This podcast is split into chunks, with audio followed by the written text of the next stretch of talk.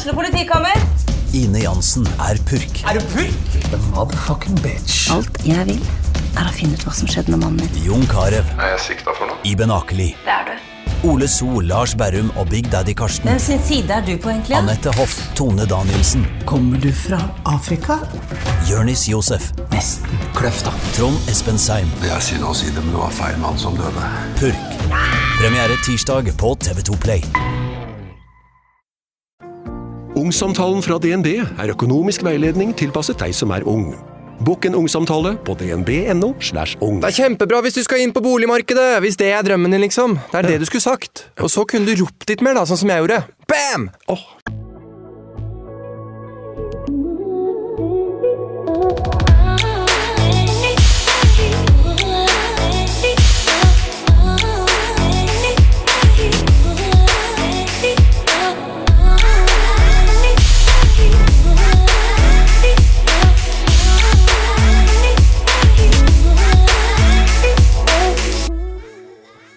Og velkommen til en ny episode av podkasten min Sykt ærlig med Martine. Denne måneden skal jeg ta opp noe som berører oss alle. Som gjelder oss alle, og noe vi alle har. Nemlig en psykisk helse. Jeg skal prate med forskjellige mennesker om deres historier og deres psykiske helse. Og månedens første gjest har både kjent på hvordan det er å leve med en som lever i et dystert mørke av vonde tanker og følelser. Hvordan det er å miste noen til selvmord, og hvordan man kommer seg videre. Jeg må nok spørre Ebba hva jeg skal omtale henne som. For jeg, jeg tror ikke vi har noe ord for tittelen hennes. Men hun var i hvert fall kjæresten til Ari Behn til siste stund. Og i dag så er hun her hos meg for å dele med oss, rett fra hjertet, om hvordan hun har det, om hvordan det har vært, og om tiden etter. For Ebba hun heier på åpenhet rundt mental helse, og sier selv at det da er en selvfølge at hun skal være åpen. Det koster, men hun er åpen. I dag sammen med oss. Og du? Om du behøver noen å prate med om hvordan du enten har det selv, eller hvordan en du er glad i, har det, så kan du alltid ringe til Mental Helse på telefon 116 123. 116 123. Eller skrive til si det med ord. Punktum. No.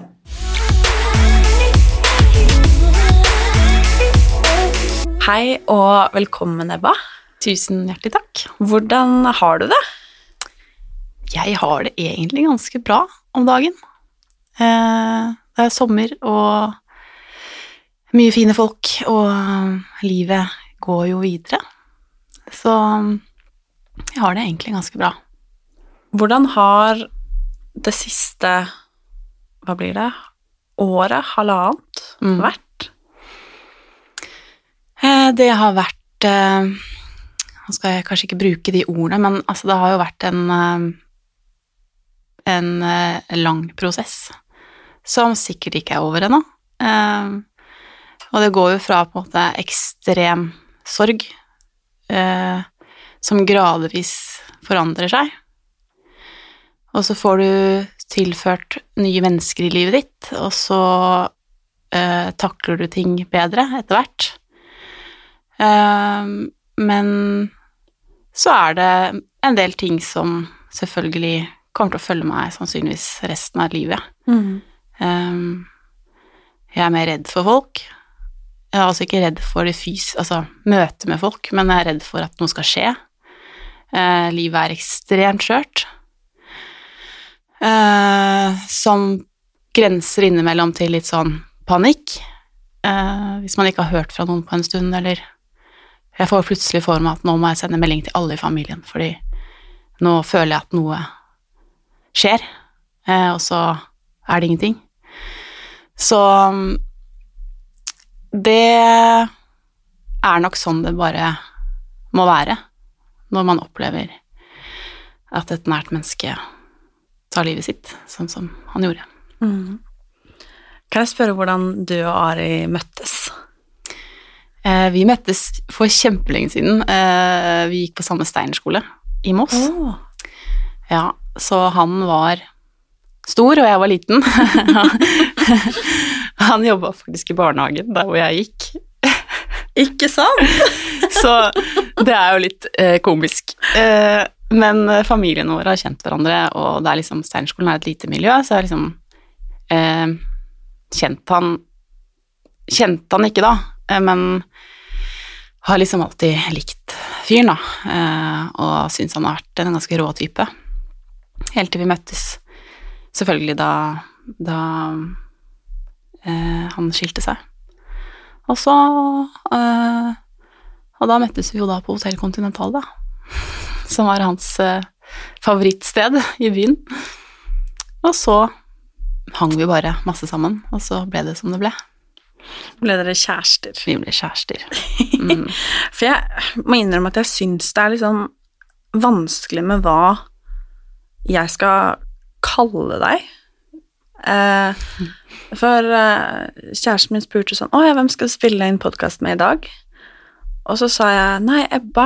Eh, hun som Og så var jeg sånn Jeg visste Jeg sleit liksom med å finne ord til hva liksom tittelen Ja. din var. Skjønner du hva jeg mener? Litt sånn eh, Kjæresten Altså liksom Enke blir jo helt tullete, liksom. Ja. altså sånn Altså, jeg bare Har man en Altså For meg så har det jo bare blitt Ebba, liksom. Ja, og, det og det skal det jo få være. Ja. Men når man man var jo liksom fortsatt kjærester. Jeg vet liksom ikke Vet du hva man hva kaller man det da, liksom? Jeg tror man kaller det hun som var kjæresten til Ari Mm. før han døde, eller noe sånt. Mm. Eh, jeg har jo tulla litt med det, da, for jeg har tulla mye selv om ting har vært veldig trist. Mm. Men det er liksom, for det første så ble jeg dumpa noe så veldig. Eller ble jeg det? Og så er det sånn, betyr det at jeg er kjæresten til Ari resten av livet, og ikke kan finne meg noen ny? Eller føles det feil? Ikke sant? Det ble jo ikke avslutta. Det ble jo aldri avslutta med ord, mm. men han ble borte. Så jeg tror jeg sier at jeg var kjæresten til Ari Eh, de siste årene. Mm. Uh, men det er litt, uh, litt rart, ja. Ja. ja, men det er jo det, det å vite liksom Ok, hva Som du sier sånn Har man gjort det slutt, så har man gjort det slutt, liksom. Da er det jo en eks. Men han vil jo aldri være en eks, på en måte, ja, på den måten. Det blir på en måte ikke helt riktig å si eks heller. Ja. Nei, men i noen tilfeller så har jeg sagt at ja, det var eksen min. Mm. Ja, han var kjæresten min en gang. Mm. Eller, ja. Men hvordan var de siste årene? Altså før han døde? Eh, de var jo for det første veldig spennende, da, eh, og fantastiske. Eh, eh, han var jo en uh, utrolig fargerik og varm og eh, kompleks fyr, som jeg genuint var veldig, veldig, veldig glad i, og var veld, altså det var vanskelig for folk også, tror jeg, å ikke bli glad i den mannen. Fordi han var veldig oppmerksom på folk, eh, og inkluderende. Og syns på en måte alt som jeg var, syns var kult, var kult. Jeg er litt sånn som liker det rare og odde. Eh, folk som går imot, folk som kler seg annerledes, som ikke ser ut som alle eh, hipsterne på Løkka, men som liksom velger å, å skille seg ut, da. Eh, det er liksom Freddie Mercury, Lady Gaga og Ari Behn. Altså det er liksom eh, eh, Som velger å gå imot strømmen litt, da. Så jeg så vel veldig opp til han, fordi han turte å gjøre så mange ting som jeg ikke turte. Men Så det var jo Og alltid samtaler, ikke sant. Jeg hadde alltid noe å snakke om. Det var liksom eh, Og det var ikke noe man ikke kunne snakke om heller. Alt fra helt crazy samtaler til eh, hvor man ikke legger noe eh, imellom. Eh, hvor man til slutt ender med å le seg i hjel. Nei, herregud, nå det er, Jeg håper ikke noen hørte dette. Altså, det er jo og så var det jo Han var en flott kar, da, sånn at Og jeg hadde vært singel i to år. Vært på Tinder, ikke sant, og eh, mista troa litt på at Eller jeg gadd egentlig ikke mer. For det er, liksom, det er ikke noe å stresse med. Og så dukker Ari opp, og så så var det liksom så eh, fint og spennende. Eh, så de eh, årene var jo en blanding av eh, galskap og kjærlighet og eh, også tidvis frustrasjon. Men det var liksom hele følelsesspekteret, da. Og så følte jeg meg jo viktig, på en måte. At han trengte at jeg var der, og trengte Vi trengte hverandre, på en måte, på hver på en måte, Mm. på akkurat den tiden. Um, men så var det jo, ikke sant, eh, når man er en anonym type som eh, aldri har oppsøkt noe rampelys eller eh, oppmerksomhet på den måten, så er det jo ganske spesielt å bli sammen med en fyr som er så kjent som han var. Så det var jo et, eh, på et tidspunkt der hvor jeg tenkte at eh, jeg kan ikke gå videre med det her, fordi jeg kan ikke være sammen med en, så kjent person. Det blir så komplisert, og det blir så mye oppmerksomhet på meg også, og jeg vil ikke ha det.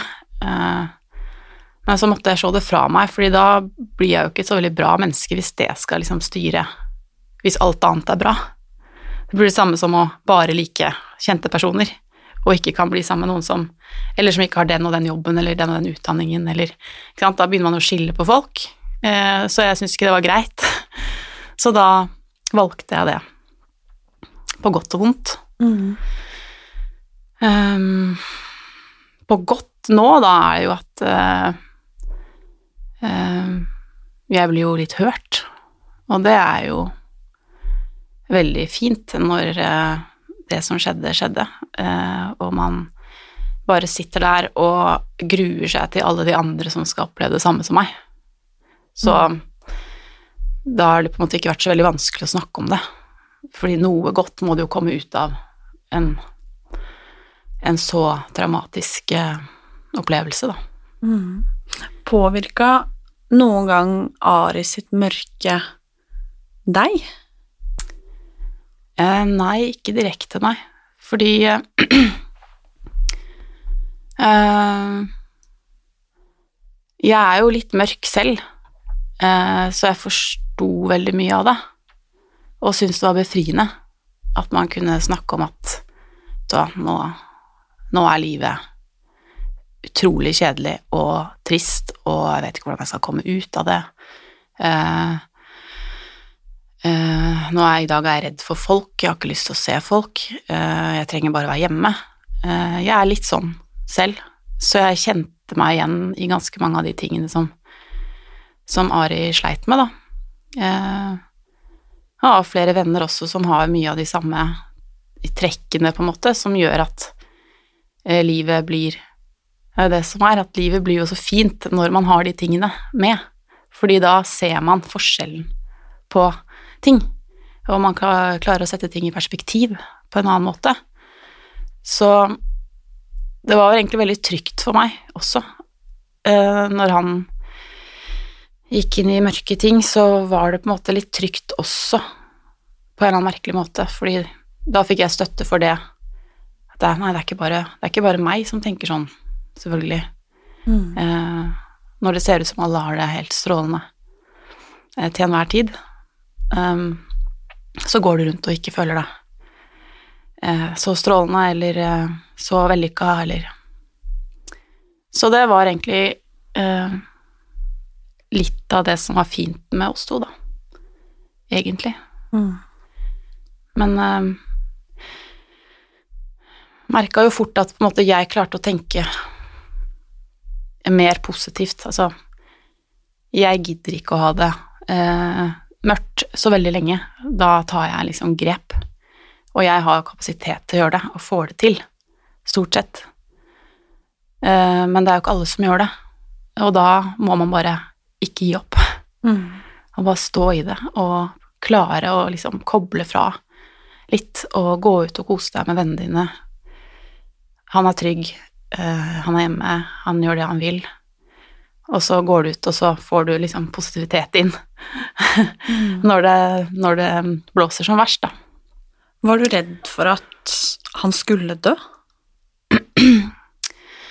Uh, jeg var redd for at han skulle dø, men det var mer sånn at jeg var redd for at han skulle skade seg på en eller annen måte. Ikke, ikke ta livet sitt, men at noe skulle skje med han hvis han eh, drakk for mye eller på andre måter liksom ikke var helt seg selv, så, så var jeg mer redd for at han skulle falle i vannet og slå hodet, på en måte. Når han var eh, ganske ustabil. Um, men jeg hadde ikke trodd at han skulle klare det, nei. Men jeg var redd for det.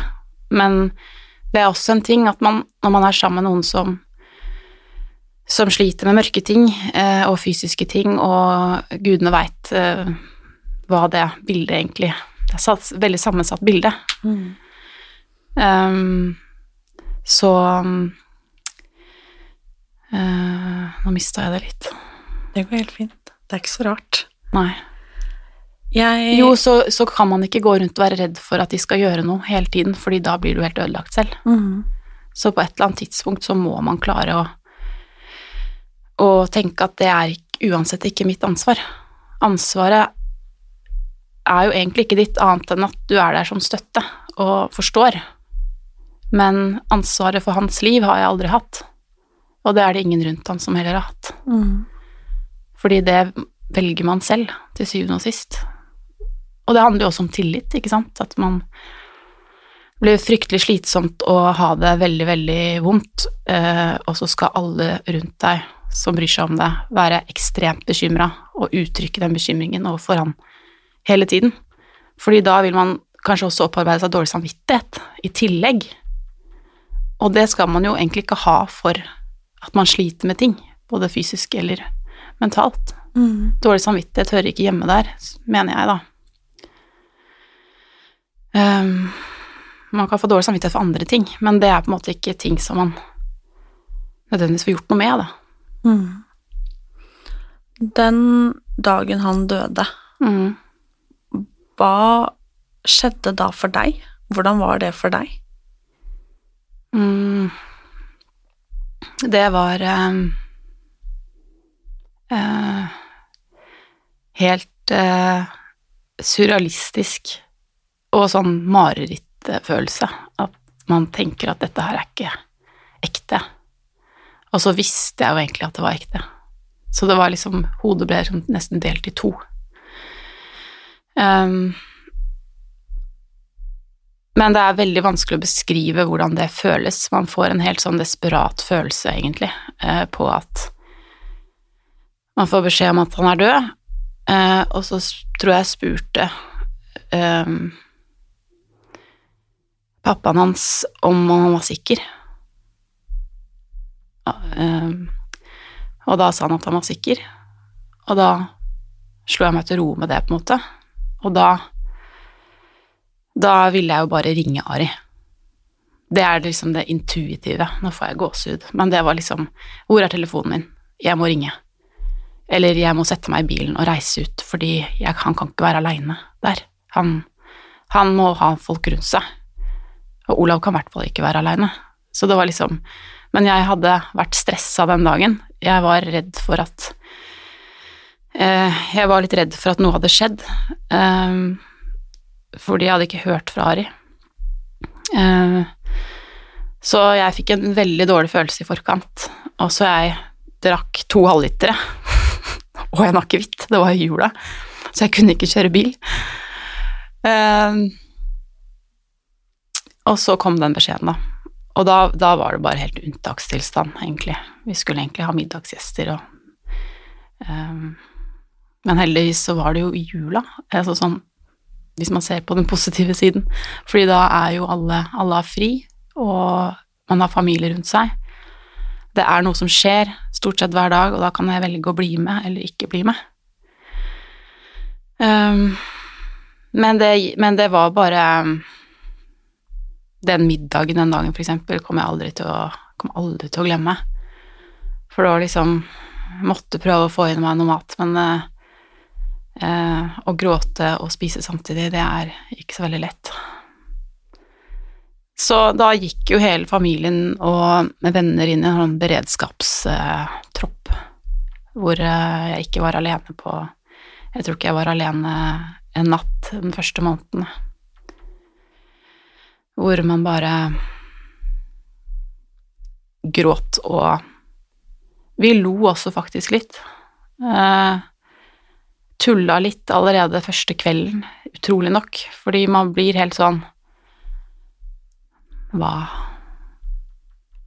pokkeren skal jeg gjøre, gjøre med det her? Hvordan skal jeg sove? Hvordan skal jeg stå opp i morgen? Dagene blir så lange. Og så er det jo ingen som har vært borti det før, på den måten. Så nært. Og hva, hva skal man si? Det er jo ikke noe å si når du sitter der. Nei, nei, det var dritt. Det Ja, ja. Men Men det er liksom det vi gjorde òg, da. Ja, det er ikke noe å si. Nei, det kan ikke bli verre. Og så på den neste setning igjen så var det sånn Ja, men det kan jo faktisk bli verre, fordi jeg kan jo få påvist kreft i morgen. Oppå alt. Og noen kan krasje. Altså, det er jo det, liksom På en eller annen merkelig måte så klarte jeg å, å liksom tenke at ja, men det, dette er helt for jævlig. Men det kan jo alltid bli verre. Og det er jo sant. Og så klarte jeg liksom å roe meg ned på en eller annen måte.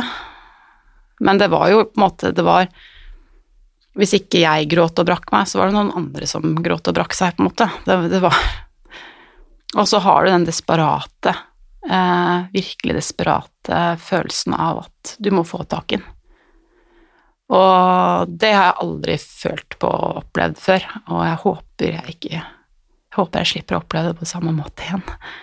Fordi det var liksom Man blir litt gal, da, nesten. Og så skjønner du idet du tar opp telefonen du, Det er ikke noe vits. Fordi følelses, følelsen er noe annet enn Du er irrasjonell i følelsene, og så er du Nei, ja, er rasjonell. Rasjonelle delen av hjernen vet jo at han er død, men følelsene og kroppen din sier jo noe annet. Mm. Så du må jo liksom Var du sint? Eh, nei, jeg har ikke vært sint, faktisk. Jeg eh, har ikke klart det. Kanskje det kommer. Eh, det vet jeg ikke. Men jeg var liksom eh, Det er jo litt skummelt å snakke om selvmord, eh, fordi det skal ikke forherlige noe, eh, og det skal ikke være for strengt, men å ta livet sitt er den vanskeligste løsningen. Å ta livet sitt er ikke en enkel løsning. Du strider imot alle eh, kroppslige instinkter på å overleve, og så klarer du det. Og for å klare det, så må man ha det fryktelig, fryktelig, fryktelig vondt. Så jeg har ikke klart eh, å, syn, altså, å bli sint på det, fordi jeg så jo, jeg visste jo hvor vondt han hadde det. Og at jeg skulle bli sint på han i etterkant, hjelper jo ingen det heller. Så um, Det har nok hjulpet meg ganske mye at jeg har sluppet å bli sint. Men det er fordi mental helse, fysisk helse eh, Når man har det så vondt som, som han hadde, og som veldig mange har, eh, så er det tross alt veldig, veldig mange som har det vondt, men som velger å leve videre, og så er det dessverre noen som ikke klarer det. Og det hjelper ikke om man blir sittende igjen og være veldig, veldig sint. Mener jeg, da. Mm. Men det betyr jo absolutt ikke at jeg støtter å ta livet sitt. Men det er en forståelse, i hvert fall, som gjør at jeg har sluppet å bli sint.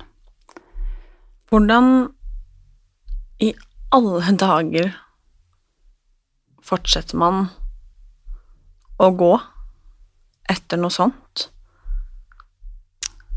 Fordi jeg følte liksom litt at uh, hvis ikke han ville leve mer, så skal jeg i hvert fall leve. Uh, jeg skal se trærne springe ut på våren, jeg skal bade på sommeren, jeg skal på fjellet, jeg skal gjøre alle de tingene som han ikke fikk til. Eh, så jeg fikk en litt sånn ekstra livskraft, egentlig, at nå Livet er så skjørt at nå må vi slutte å Nå må jeg slutte å henge meg opp i detaljer og bagateller og um, se alt det fine som finnes rundt meg, og hvor sterke menneskene rundt meg er, hvor fantastisk arbeidsplass jeg har, og hvor uh, fantastiske mennesker er, egentlig, som slipper alt og støtter opp. Det er en sånn flokkmentalitet som uh, som på en måte har gjort meg veldig mye sterkere og veldig ydmyk for at man skal passe på de menneskene man har rundt seg, eh, og aldri ta det for gitt. Så hadde det ikke vært for alle de menneskene rundt meg, så vet jeg ikke, om, vet jeg ikke hva jeg hadde gjort, men eh, folk som har kjent meg godt, da, som vet hva jeg trenger og Men det er jo Man opplever jo å ikke få til noen ting når man er så lei seg. Så fra å liksom alltid invitere på middag og fikse og ordne og Så klarte jeg jo ikke Klarte jeg ikke det. Jeg klarte ikke logistikk. Hjernen var bare helt skjøtta ned på Jeg rota meg bort i kvadraturen. Jeg skulle bare spise lunsj eh, med en kompis og jeg fant ikke veien ut. Og da er det sånn, da, knek, da knekker man jo av det, fordi da skjønner du at hodet er så full av følelser at du ikke vet veien hjem, liksom. Mm. Men da har jeg jo da fått folk til å følge meg hjem. og ringt når jeg har stått der, og de har kommet til, til meg, og så det har liksom gått bra likevel. Og så har jeg fått uh, Det som var veldig fint, var at uh, jeg fikk jo ikke møtt uh, alle vennene til Ari, for eksempel. men det første halvåret så tok jeg opp kontakten med flere av de, som gjorde at jeg har fått nye venner. hvor det var utrolig fint å snakke med mennesker som jeg aldri hadde møtt før, men som man bare kunne være helt eh, filterløs. Du har ikke noe, og du skal Du har ingenting du skal eh, prestere, ikke sant? Du er på det laveste av det lave. Det eneste er, som er et kriterium, at du har på deg klær. Som jeg kjøpte masse kjoler, eksempel, på nett. For da slipper du å tenke på bukse og topp. For da kunne du bare ta på deg strømpebukse, undertøy og kjolen over, så hadde du antrekket. Men bukse og genser, det fikk jeg ikke til. Fordi det ble for mye å tenke på. Men så lenge man fikk på seg den morgenkåpa eller den kjolen, så kom det besøk og hadde med vin og bestilte mat og Og var helt, liksom, på bånn sammen. Og det var egentlig ganske fint oppi alt som var helt forferdelig. Det derre savnet som jeg kan forestille meg selv mm. eh, om da det hadde vært meg, mm. de der hverdagssituasjonene der man tenker at 'å, dette er jo revy', eller den sangen på radio, eller hva det nå måtte være, liksom. Mm. Hvordan har det vært? For jeg Når man er kjærester, så lever man jo et liv sammen, på en måte, og man drømmer kanskje og tenker at mm. 'å, det her skal vi gjøre, og det skal vi oppleve, og sånn her skal vårt liv se ut'. Hvordan var det for deg? Eh, det var jo vanskelig, men det var på en måte helt nødvendig å gå alle de skritta eh, og stå i det som var vanskelig. Men det var jo sånn type Eh, klær som jeg ikke klarte å vaske, og sengetøyet som vi lå i, klarte jeg ikke å vaske. Det tror jeg vaska for et halvt år siden. Så et år så har det ligget i skapet, liksom. For jeg bare klarte ikke å vaske det. Liksom det siste jeg hadde en. Um, ting som han kjøpte som sto i leiligheten, Um, blir man jo egentlig mer sånn glad i, da. Betyr mye mer. Uh, så det har ikke vært eh, noe verre å gå i det enn en, jeg hadde, ikke, hadde ikke falt meg inn å fjerne noe, for eksempel. Um, men det er jo klart, de første hytteturene på fjellet og på Tjøme og se hytteboka, for eksempel, det er jo sånne ting som man bare må gjennom. Ja, og så er det eh, vondt, men så vet man at man kan ikke gå Man kan ikke opparbeide seg sånne angster for ting. Så der kan jeg ikke gå fordi fordi der kjørte Are så mye, eller jeg kan ikke gå på den kafeen, for der var vi så mye. Ett sted jeg ikke har klart å være, og det er på en fantastisk indisk restaurant på Kiellandsplass, som vi var veldig mye, og der har jeg ikke Og de var så søte, de som jobba der. Uh, men dit har jeg ikke klart å gå ennå, for eksempel. Det, det Jeg får det ikke til, bare. Så jeg kjører veldig sjeldent, altså Innimellom så må jeg jo, da, men noen ganger så utfordrer jeg meg selv også litt på gå fra jobb og så gjennom der jeg gikk før. Jeg bodde et annet sted før. Uh, og da griner jeg alltid gjennom Kiellands plass. Fortsatt. Det kommer jeg alltid til å gjøre, tror jeg. For da kommer det altså så mye minner opp, hvor mye vi gikk rundt der og satt og spiste middag og koste oss. Um, men det får bare være sånn. Ja, så er det ikke så farlig da, om jeg går, om jeg går og griner på gata, eller på sparkesykkel, da, som har skjedd noen ganger. Man må tørke tårene mens man fyker nedover der. Men det er jo ingen som bryr seg om det. Altså, ja ja, så gjør man det, da. Og da må man liksom bare tillate seg selv å, at det skal komme, da, når det kommer. Um, og det tror jeg er veldig viktig for å på en måte komme seg, ikke fortest mulig gjennom det, men ikke at man ikke blir redd for ting, da. Ikke blir redd for å gjøre ting fordi man er redd for å bli så veldig lei seg. Det er bedre å bli veldig lei seg. Mm. Eh, så man får liksom fått ut. Vi har en periode hvor jeg ikke gråt så mye, for eksempel. Og da bygde det seg jo opp i brystet til å bli en sånn klump. Og da tok litt tid, da, men plutselig så var det noe som utløste det, og så var den borte etterpå fordi man holder igjen, man skal være så sterk, man skal få til ting hele tida. Og så er det jo egentlig helt sprøtt at man skal få til ting så fort. Og så skal man liksom bare legge lokk på alle de vonde følelsene og ja, ja, livet må gå videre, men jeg går liksom bare alle skritta.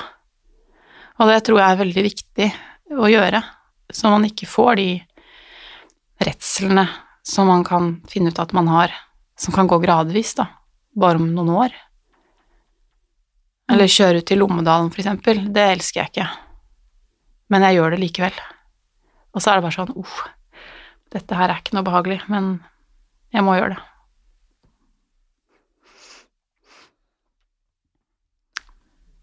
Dette her med å være lei seg Jeg tror hele Norge var lei seg når, eh, når dette skjedde. Og hvordan var det å på en måte skulle dele din sorg med resten av Norge, resten av landet. For det var vel ingen som ikke fikk med seg at Ari Ben ikke fantes lenger? Nei, det som var veldig spesielt med det, var jo at uh, jeg følte at han ble tatt fra meg to ganger. Det var fordi jeg ble litt i det, fordi jeg fikk jo spørsmål fra journalister ganske fort om vi var kjærester. For vi har vært så eh, lite eksponert. Av mange grunner, men eh, Så jeg måtte jo bekrefte det, at jeg var kjæresten. I tillegg. Og det var litt sånn absurd. Um, men det var jo egentlig um, det var jo det som gjorde at det ble ekstra trist da, var at jeg skulle innmari ønske at han så hvor mange som var lei seg for den var borte. At uh, han skjønte hvor mange som var glad i han, og skjønte hvor mye han betydde for folk, hvor stor innvirkning han har hatt. hvor viktig han har vært, egentlig, som menneske. Uh, at han ikke skjønte det før han døde. Eh, så det gjorde jo meg mer lei seg. Jeg skulle ønske at han, han skulle bare visst.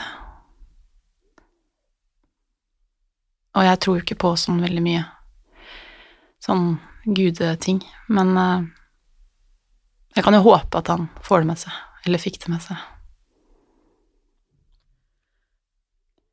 Hvordan Nå vet jeg ikke om det har skjedd, eller om du ønsker at det skal skje med det første eldre, men hvordan går man videre i kjærligheten etter at den man elsker, liksom velger å forlate en på den måten? Kan man Altså Ja, hvordan gjør man det?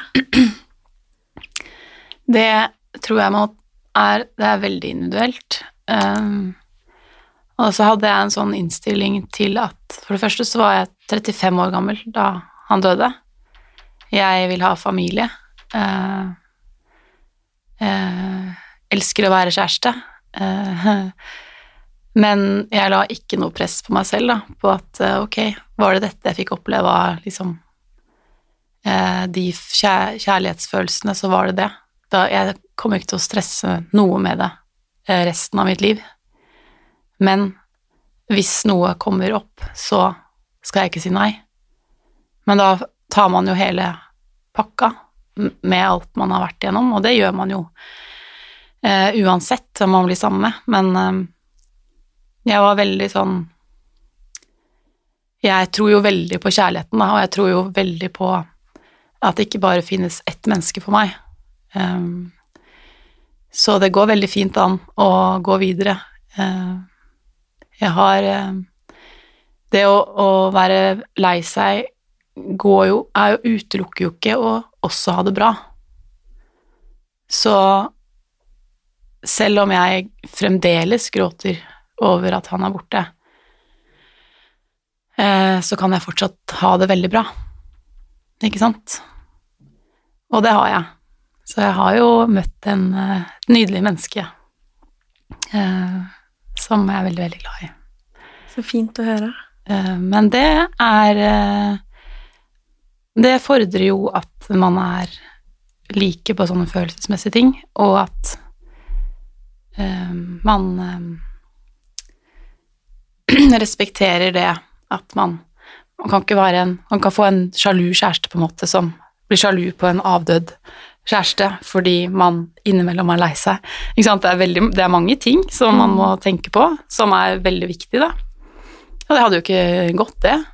Men det er et veldig fint og åpent for at man tidvis kan eh, være lei seg og ha med seg masse greier. Det er ting jeg ikke kan se på på serie lenger, på en måte, eller som Da gråter jeg en halvtime etterpå hvis det dukker opp noen selvmordsscener, eller Det er ting som man må tåle. Men, eh, men det er mulig. Og det er jeg veldig, veldig, veldig takknemlig for. Um, Jeg tenker sånn med meg selv nå eh, For jeg ønsker meg barn, med barn, da, eh, for eksempel. Eh, med kjæresten min nå. Eh, og så har man aldri noen garanti for noen ting. Og om han for eksempel skulle gått bort, liksom Så her jeg sitter nå, uten at det på en måte er en realitet eller noe som jeg noen gang håper, håper skjer, så tenker jeg sånn, herregud hadde jeg syntes det vært vanskelig å eksempel skulle fått barn med en annen mann, da, fordi at det skulle jeg egentlig med han, da. Ehm, har du tenkt de tankene som, som har opplevd det? Fordi jeg kan tenke litt sammen med meg selv sånn Er det bare fordi at det er dette som er min virkelighet nå? Eller tenker man de tankene Nå trenger det ikke nødvendigvis være med barn, da, men altså sånn om det var å kjøpe det huset, eller om det var å dra på den reisen, eller disse tingene her. Jeg var veldig redd for at jeg ikke kom til å tørre å være nære noen igjen. Eh, Fordi man er så redd for Man orker ikke at det sku, Man orker ikke å sette seg i en posisjon hvor det kan være en mulighet en gang til. Og da er det mye lettere å ikke gjøre det. Og så var jeg redd for at, eh, at jeg ikke turte å føle noe for noen andre. At det bare ikke gikk. At det ble feil. Fordi jeg var jo Ari sin. Og han orka ikke mer, men det betyr jo ikke at jeg klarer å slette de Eller ikke slette de følelsene, men legge de følelsene til side for han. Og det ble jo aldri, aldri avslutta, ikke sant, så man Vi var jo sammen på det tidspunktet, og så Så jeg, jeg var redd for at jeg ikke turte og ikke klarte å og ville bli glad i noen igjen. Og det la jeg også litt sånn Ga slack til meg selv på det, at det var greit hvis ikke det skjedde. Uh, og var jo selvfølgelig redd for det, for da ville man jo fått et helt annet liv. Men et selvvalgt, da, så for så vidt. Men, uh, men så opplever man at det går, da. Og da blir man altså så letta, fordi da er det ikke så mye som er ødelagt likevel. Man er redd for at ting skal være ødelagt, ikke sant, for alltid. Uh, og så skjønner man på et tidspunkt at uh, man får det til, og det er jo helt fantastisk med mennesker, da, at man er veldig tilpasningsdyktige. Um, så det man trodde man ikke fikk til eller var redd for, viser seg å bare være tull, da. Um, så det er sånn opprikt, oppriktig letta for, at, uh, at, jeg har klart, klart det. Uh, og håper veldig mange som opplever det samme som meg, også kan klare det. Uh, fordi de menneskene som ikke er her mer, vil at vi skulle gå videre og få fine liv. Det er jeg helt sikker på. Så man, man må gå videre. Hvordan har din mentale helse, psykiske helse, vært i ettertid eh, kontra liksom før? Med å få på en måte en hva skal vi kalle det, en rip i lakken, eller hva vi skal kalle det, eh, på den måten. Hvordan har det vært Altså, som du sier, én ting er denne liksom naturlige sorgen som kommer til å være lei seg. Um, men hvordan har den psykiske helsen vært oppi alt dette her? Uh, den har nok både blitt skjørere og sterkere. Den har blitt sterkere Altså, Arie var jo fantastisk til å bygge opp folk. Altså, han eh, gjorde mennesker eh, bedre og sterkere ved å bruke store ord som man trodde han tulla med, men som han faktisk mente. Um, så jeg har blitt uh, sterkere fordi man skjønner hvor mye man takler. Som er helt utrolig. Uh, men så har man blitt svakere på ting som som man selvfølgelig Som er helt menneskelig å være redd for fra før av. Uh, men så uh, Jeg får fortere liksom Ikke panikk, men jeg blir fortere veldig redd for ting som kan skje. Og hvis ikke jeg får tak i folk, eller Føler meg veldig skjør, da, sånn fysisk. Altså sånn at man vet aldri hva som skjer i morgen. Og det tenker jeg hver dag. Uh, og det er jo ikke sånn veldig behagelig følelse, egentlig. For sånn, i dag må vi gjøre det fordi uh, gudene veit hva vi får beskjed om neste uke, ikke sant? Um, og ting som handler om selvmord, det har jo vært flere, ikke nære for meg, men um, venner og familie som har hatt venner som har hatt en pappa eller en fetter eller som har mista i løpet av det siste ett og et halvt året. Og da, det, da knekker jeg med en gang. Når jeg får vite det, så er det bare Tårene bare spruter, og jeg må jeg blir trøsta. Jeg syns det er helt for jævlig eh, hver gang. Og der, sånn var jeg selvfølgelig ikke før. For da vet jeg hva hvordan, Jeg vet at de har fått beskjed. Jeg vet hvordan det føles. Jeg vet hvordan dagene og ukene og de neste månedene blir. det er beinhardt. Og så får jeg ikke gjort noe med det. Jeg får ikke Og egentlig ingen får gjort noe med den individuelle sorgen, på en måte. Mm. Så det er litt sånn maktesløshet da, på at jeg vet at, eh, at det er så mange som sliter med ting, og som ikke har lyst til å være her mer, og som eh, Og mange som får samme beskjed som jeg har fått, som jeg ikke unner noen. Så da må man bare fortsette å prate om det, fordi det går sakte, men sikkert bedre med alle Mm. som sitter igjen. Men man har det med seg. Men det er ikke noe å være redd for det heller. Det, det går bra, det òg. Um, å snakke med noen, og, og trenger ikke mange heller. Jeg tenkte det da jeg satt her med min beste venninne, og familien min er jo stor, det er fire søsken og mor og far. Jeg tenkte at så lenge de er der, så trenger jeg ikke noen flere. Og da føler man seg også ganske mye sterkere, fordi man tror man trenger så fryktelig mange for at man skal være både vellykka og trygg og passa på, men du trenger ikke det, egentlig. Trenger noen gode som man kan snakke med og betro seg til, som forstår deg, som respekterer deg, og da klarer man veldig mye. Kan jeg stille et litt sånn Det er kanskje litt vanskelig spørsmål, men Eller vanskelig å svare på. Eh, men jeg tror det er noe jeg kanskje hadde følt mye på selv. Men følte du deg elska til tross for hva som skjedde? Altså at han Ja, jeg vet ikke om jeg kan stille spørsmålet på noen annen måte, men denne Følte du at du hadde den bekreftelsen du trengte på at ok Ja, dette må Ja. Ja, det gjorde jeg. Jeg føler ikke at han svikta meg, på en måte. Så fint. Um, og det var litt det vi snakket om i stad også, at uh, Det er jo det som også er frykt Som er van vanskelig med det, det er jo at det, er ikke noe overraskelse at det er tungt å gå ved siden av noen som har det fryktelig, fryktelig tungt.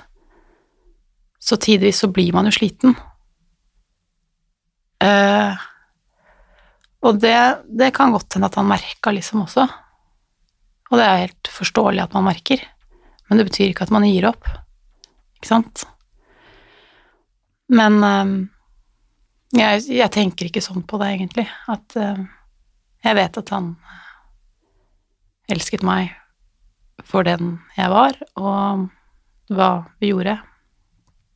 Uh, så um, Det har jeg aldri tvilt på, egentlig. Det ble jeg veldig glad for å høre. Men han kan jo ikke svare for seg, da. Så. Nei. det viktigste er den følelsen som Ja. du har, vel. Ja, det er det. Og det å vite. Da tenker jeg at du har et ganske godt grunnlag for å, Ja. for å kunne si det. Mm. Det er veldig mange som, eh, som sliter og har det vanskelig, om det er det ene eller det andre. Um, ja, på den ene eller andre måten. Um, så jeg har lyst til å både stille spørsmål om Vi kan ta det her først, men hvis man er veldig, veldig glad i noen, eller er en pårørende, da, det er en som, som har det skikkelig tøft, eller er i en vanskelig periode, Mm. eller der man føler litt sånn at hva Hva kan jeg gjøre for å være en god støttespiller? Eh, for å gjøre at den jeg er så glad i, kan få det bedre? Har du noen, noen tips eller råd? Jeg tror, for min del i hvert fall, at um, man ikke må være redd Hvis man stiller spørsmål, så må man være ikke redd for svarene. Um, det er ingenting som er farlig å si,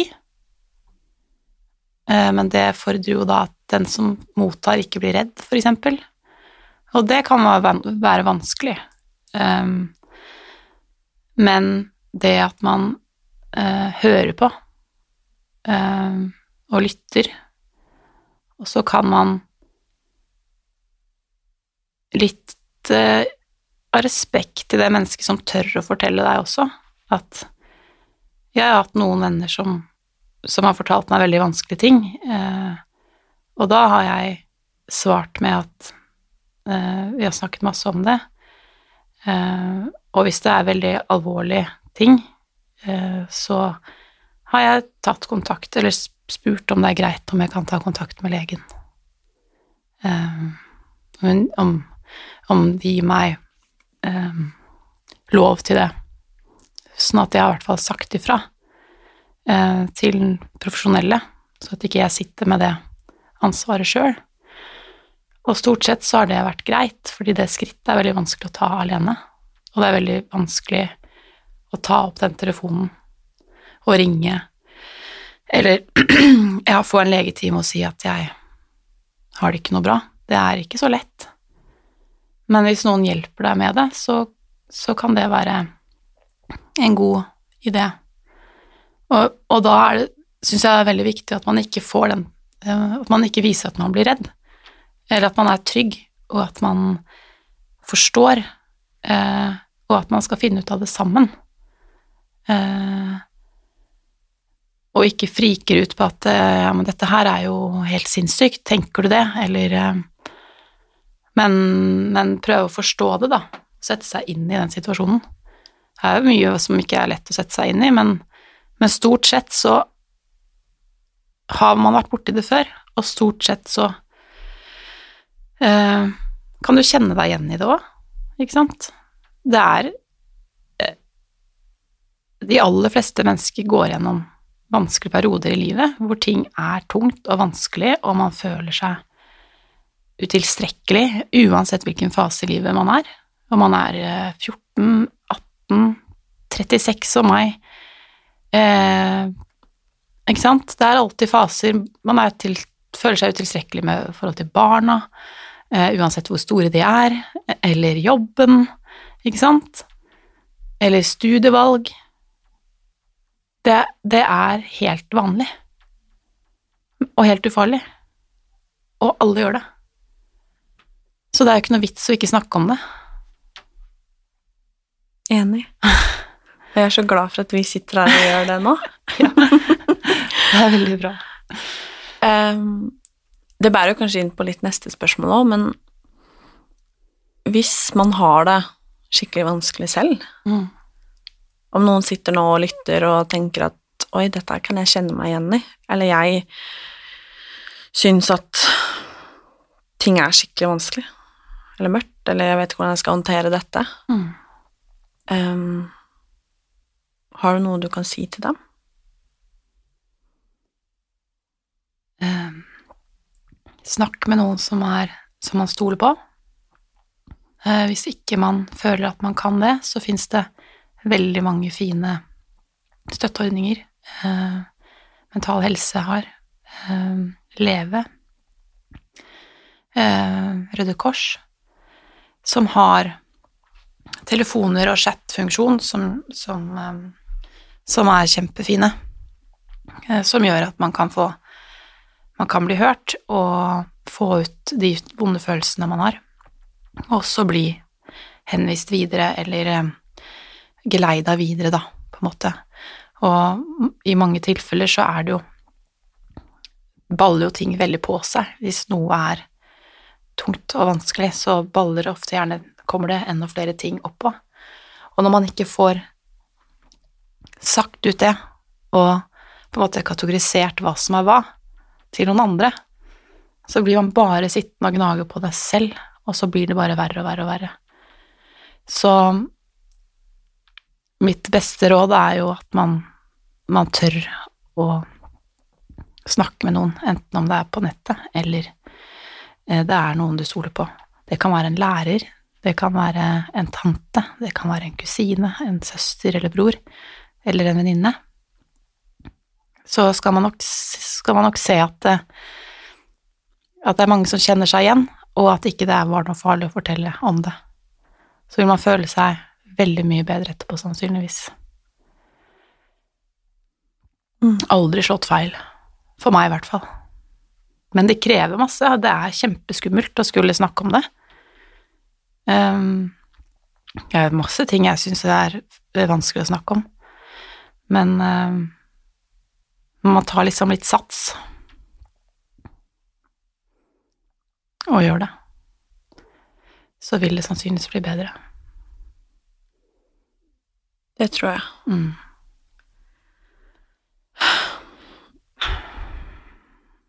Jeg er eh, veldig, veldig glad for at du hadde lyst til å prate med meg, eh, og for at du vil dele med din Dele om deg med dine erfaringer og din historie fra hjertet ditt. Mm, jeg både vet og skjønner at det ikke nødvendigvis er så lett, men jeg både håper og tror at det er skikkelig, skikkelig viktig. Og jeg er så glad for at du velger å prate om prate om det i stedet for å, å tie. For det som er så fint, er at man er jo ikke alene, selv om man kanskje føler seg som det mest ensomme og alene mennesket i hele verden. Mm. Um, jeg pleier å tulle og si at man er sjelden så unik at det aldri er noen som har opplevd det før deg. Um, og det stemmer jo stort sett. Ja, det har jeg tenkt mange ganger på Mm. når den uh, verste sorgen var der. Det er sikkert noen flere enn meg som har oppkalt en potteplante etter en som er død. Ja. som betyr veldig mye for meg, den potteplanta. Men du føler deg jo helt ko-ko Ja. på mange ting. Men det er ikke bare meg som har gjort ko-ko ting. Nei, det tror jeg ikke. Det er um, Det er liksom Nei, jeg vet ikke. Og det er veldig mye som er som man kan tulle med, dessverre. Og på godt og Altså Som har redda meg i veldig mange settinger. At uh, det er en viss Selv om ting er aldri så mørkt og fælt, og sånn var Ari òg, så kunne vi le av det. Og bare fy fader, nå Nå er det ikke mye lyst oppi topplokket her. Nei, det, det er ikke det. Men det går bra. Hva skal vi gjøre med det? Nei, bestill noe sushi. Og så er det liksom Ja. Og i etterkant også, så er det Det er eh, mye befriende med også å le litt, og det er lov, selv om man er lei seg. Mm. Tror du det hadde vært viktig for han å visst at du prata? Det tror jeg. Mm. Jeg er ganske sikker på det. Jeg òg, faktisk. Mm. Tusen, tusen takk for at du hadde lyst til å gjeste podkasten min. Det syns jeg var skikkelig Tusen fint. At jeg fikk komme. Tusen takk, og takk for at du deler. Det betyr enormt.